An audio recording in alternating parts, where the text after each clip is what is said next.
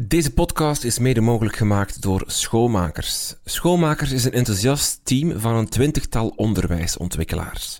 Ze begeleiden jouw schoolteam rond verschillende thema's: leren en lesgeven, schoolontwikkeling, schoolleiderschap, verbindend schoolklimaat en digitalisering. Hun aanpak is steeds op maat. Ze houden een intakegesprek en op basis daarvan puzzelen ze een aanbod samen dat zo goed mogelijk inspeelt op de ondersteuningsvraag. Aarzel niet om schoonmakers te contacteren via www.schoonmakers.be.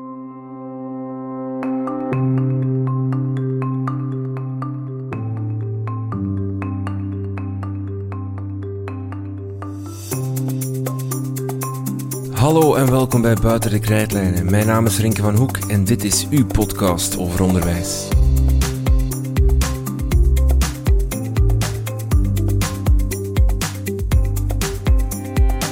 Het werd tijd om nog eens een top 5 te doen en deze keer kozen we voor 5 films die leerkrachten echt moeten gezien hebben. We hebben bewust gekozen voor films die niet per se zo bekend zijn bij leerkrachten, zoals Entre les Murs of Dead Poets Society. We hebben gezocht naar films van over de hele wereld die iedereen, maar vooral onderwijzers, kunnen inspireren, ontroeren en misschien zelfs helpen reflecteren. Hoewel de maatschappelijke context waarin de personages in de film zich bevinden enorm kan verschillen, wordt wel duidelijk dat we allemaal verlangen naar dezelfde dingen, zoals veiligheid, verbondenheid, vervulling en rechtvaardigheid. Daarom zal je in elk van deze films elementen kunnen vinden die relevant zijn in jouw leven of in jouw klas. Het is immers zo waardevol om de wereld te bekijken vanuit het perspectief van de anderen, de benadeelde, de lerende, de dromer. Deze aflevering werd samengesteld en geschreven door Cedric van Houwen. En dit zijn vijf inspirerende films die je als leerkracht moet gezien hebben.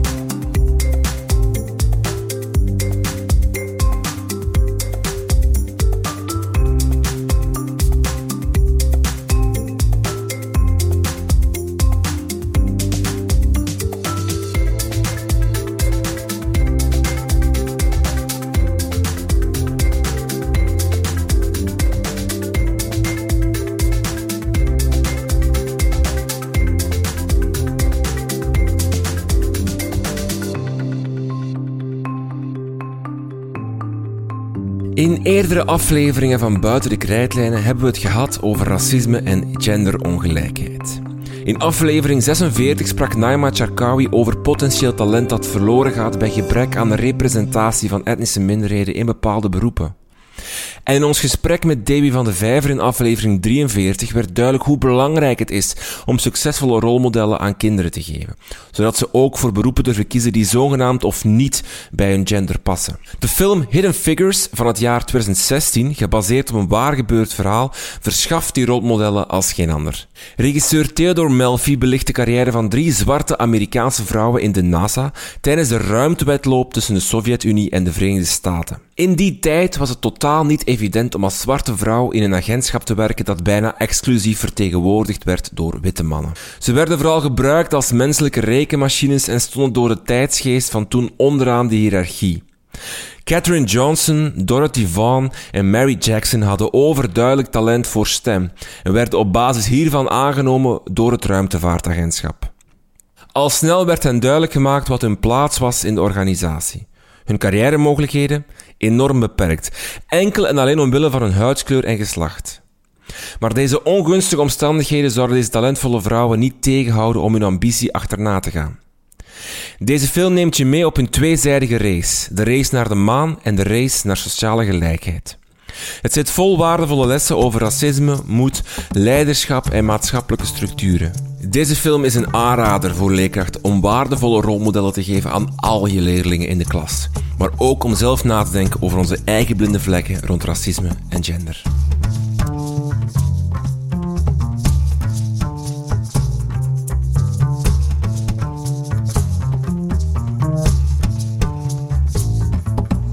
De volgende film is een meesterwerk uit Bollywood, Like Stars on Earth, geregisseerd door de internationaal befaamde Amir Khan, uitgegeven in 2007.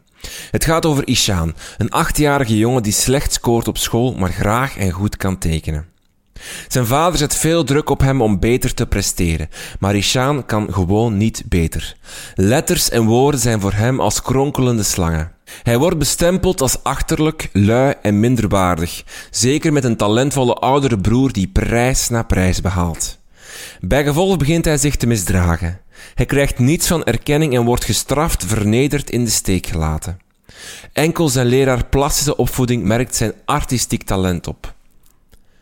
Het is een ontroerend verhaal over anders zijn in een omgeving waarin mensen bekrompen normen in stand houden. Iedereen's unieke talenten leren waarderen en het belang van die ene leraar die het verschil kan maken. Om niet te veel van de film te verklappen, maar jullie er toch voor warm te maken, heb ik volgend citaat uit de film gekozen. We hebben juwelen van mensen onder ons gehad die de koers van de wereld hebben veranderd omdat ze de wereld met een andere bril bekeken. Hun denken was out of the box en niet iedereen begreep hem. Ze werden zelfs bespot. Toch hielden ze stand. Bij gevolg juichte de wereld hen toe.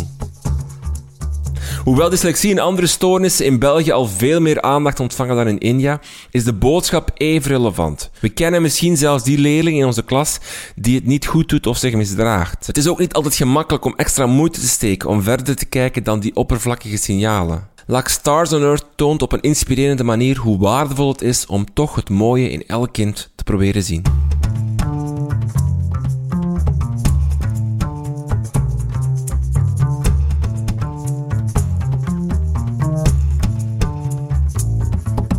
In de derde film van onze lijst, October Sky van 1999, zijn de rollen omgedraaid. Je sociaal-economische status is namelijk een goede voorspeller voor academische resultaten. Volgens die redenering zou Homer Hickam het niet verschoppen in het hoger secundair onderwijs. Hij is de zoon van een opzichter in een kolenmijn in het kleine dorpje Colwood in West Virginia. Die laatste wil dat zijn zoon kost wat kost in de mijn gaat werken, want daar zou hij carrière maken. Homer heeft echter andere plannen. Sinds hij het nieuws over de lancering van de Sputnik 1 in 1957 vernam, is het zijn droom geweest om zelf een raket te bouwen. Hij ziet voor zichzelf weinig toekomst in het dorpje en wil zijn horizon verbreden. Met de hulp van zijn vrienden en een sterke maar onpopulaire medeleerling doet hij er alles aan om een werkende raket te bouwen. Zijn vader kan dit echter helemaal niet aanvaarden en Homer krijgt zware ruzie met hem. De jongens worden er zelfs van beschuldigd een bosbrand te stichten. Heeft hun project dan enkel geleid tot vernieling, of kunnen ze toch hun droom waarmaken en een betere toekomst tegemoet gaan? En hoe kan wiskunde hen uit de gevangenis houden? Het lijkt een te gek scenario en toch is het gebaseerd op een waar gebeurd verhaal. De film zit vol met relevante elementen voor leerkrachten over de link tussen sociale status en academische verwachting, over het effect van de verwachtingen van ouders op schoolattitudes, over de invloed van de juiste vrienden te maken op school en over onderwijs praktisch in te zetten om echte problemen op te lossen. De film toont aan wat er mogelijk is wanneer we als leerkrachten de droom van jongeren, ongeacht hun status in de maatschappij, serieus nemen in plaats van snel te oordelen.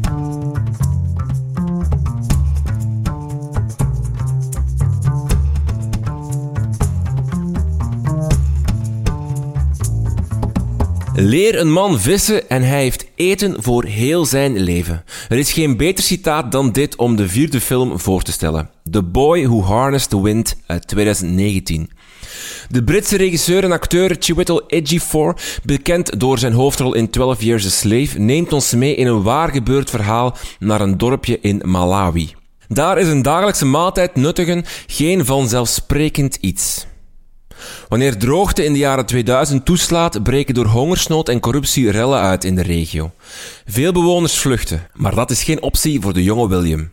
Hij moet zijn papa Trywell helpen in het veld. Hij heeft echter door dat zaaien en oogsten in tijden van droogte onbegonnen werk is. Zelf spendeert hij graag zijn tijd op de schroothoop, waar hij onderdelen kan vinden om elektronische apparaten terug in gang te krijgen. Hij houdt ook van leren op school, maar wordt geschorst omdat zijn vader het studiegeld niet meer kan betalen. De timing kon niet slechter zijn, want hij had het idee gekregen om een machine te bouwen waarmee hij zijn familie kon helpen om te oogsten. Wat moet hij doen? Laat hij zijn familie in de steek, net zoals vele anderen, in hoop van elders werk te vinden? Of gaat hij zijn familie helpen? Maar hoe dan? Ook voor leerkrachten zit er heel wat in om over na te denken. Waarom gaan we naar school in plaats van te gaan werken? En wat is de waarde van betaalbaar onderwijs voor een individu, een dorp of een land? Het is gemakkelijk om goed toegankelijk onderwijs vanzelfsprekend te vinden, maar dat is het niet altijd geweest en is het zeker niet overal. Deze film gaat terug naar de basics van onderwijs en verkondigt ondanks de soms hartverscheurende tafereelen een boodschap van hoop, passie en loyaliteit.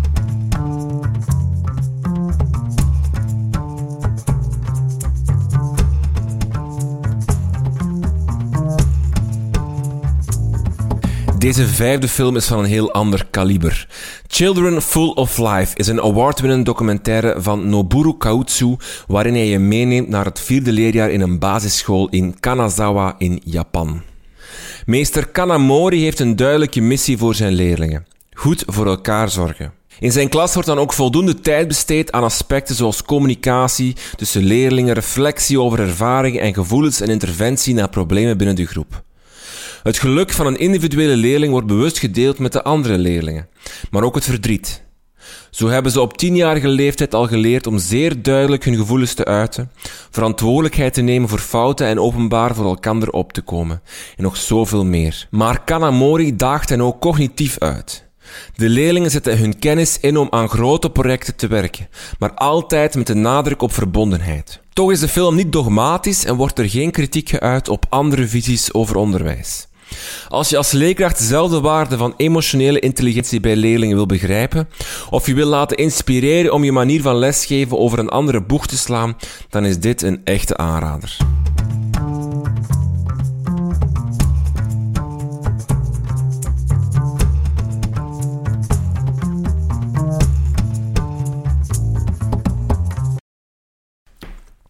Allee dan, omdat je het zo lief vraagt. Allee dan, al... Omdat u het zo lief vraagt, toch nog even een kleine uitsmijter erbij smijten. We willen jullie warm maken voor een gloednieuwe documentaire die pas deze maand voor het eerst vertoond is in België. Herr Bachmann und seine Klasse is een gloednieuwe documentaire getoond op het Filmfest Gent en het volgt een zeer diverse klas van leerlingen tussen de 12 en de 14 jaar in een school in een industriestadje in Duitsland. En het toont hoe een leraar Dieter Bachman omgaat met de uitdagingen die voor leerkrachten daar dagelijkse kost zijn. De leerlingen van Dieter Bachman hebben verschillende nationaliteiten. Hun moedertaal is Bulgaars, Russisch, Marokkaans of Turks. Ze hangen de meest uiteenlopende religies aan, of zelfs gewoon geen enkele. Maar ze hebben meer met elkaar gemeen dan dat ze op het eerste gezicht zelf geloven. Regisseur Maria Speet neemt haar tijd om deze bewonderenswaardige man te portretteren. Maar ondanks de lengte van meer dan drie uur en half verveelt deze winnaar van de Zilveren Beer in Berlijn geen seconde.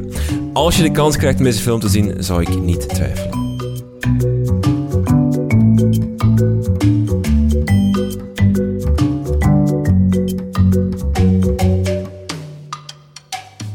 Dit was het dan weer voor deze aflevering van Buiten de Krijtlijnen. Een lijstje van de films die we hier hebben voorgesteld vind je in de show notes van deze podcast. Heel veel kijkplezier. Blijf op de hoogte van onze plannen en nieuwe afleveringen via Twitter, Facebook of Instagram. Een lijst van al onze voorgaande afleveringen vind je op www.dekrijtlijnen.be. Ook u kan helpen om deze podcast beter te maken en te ondersteunen. Dat doe je door een vriend van de show te worden.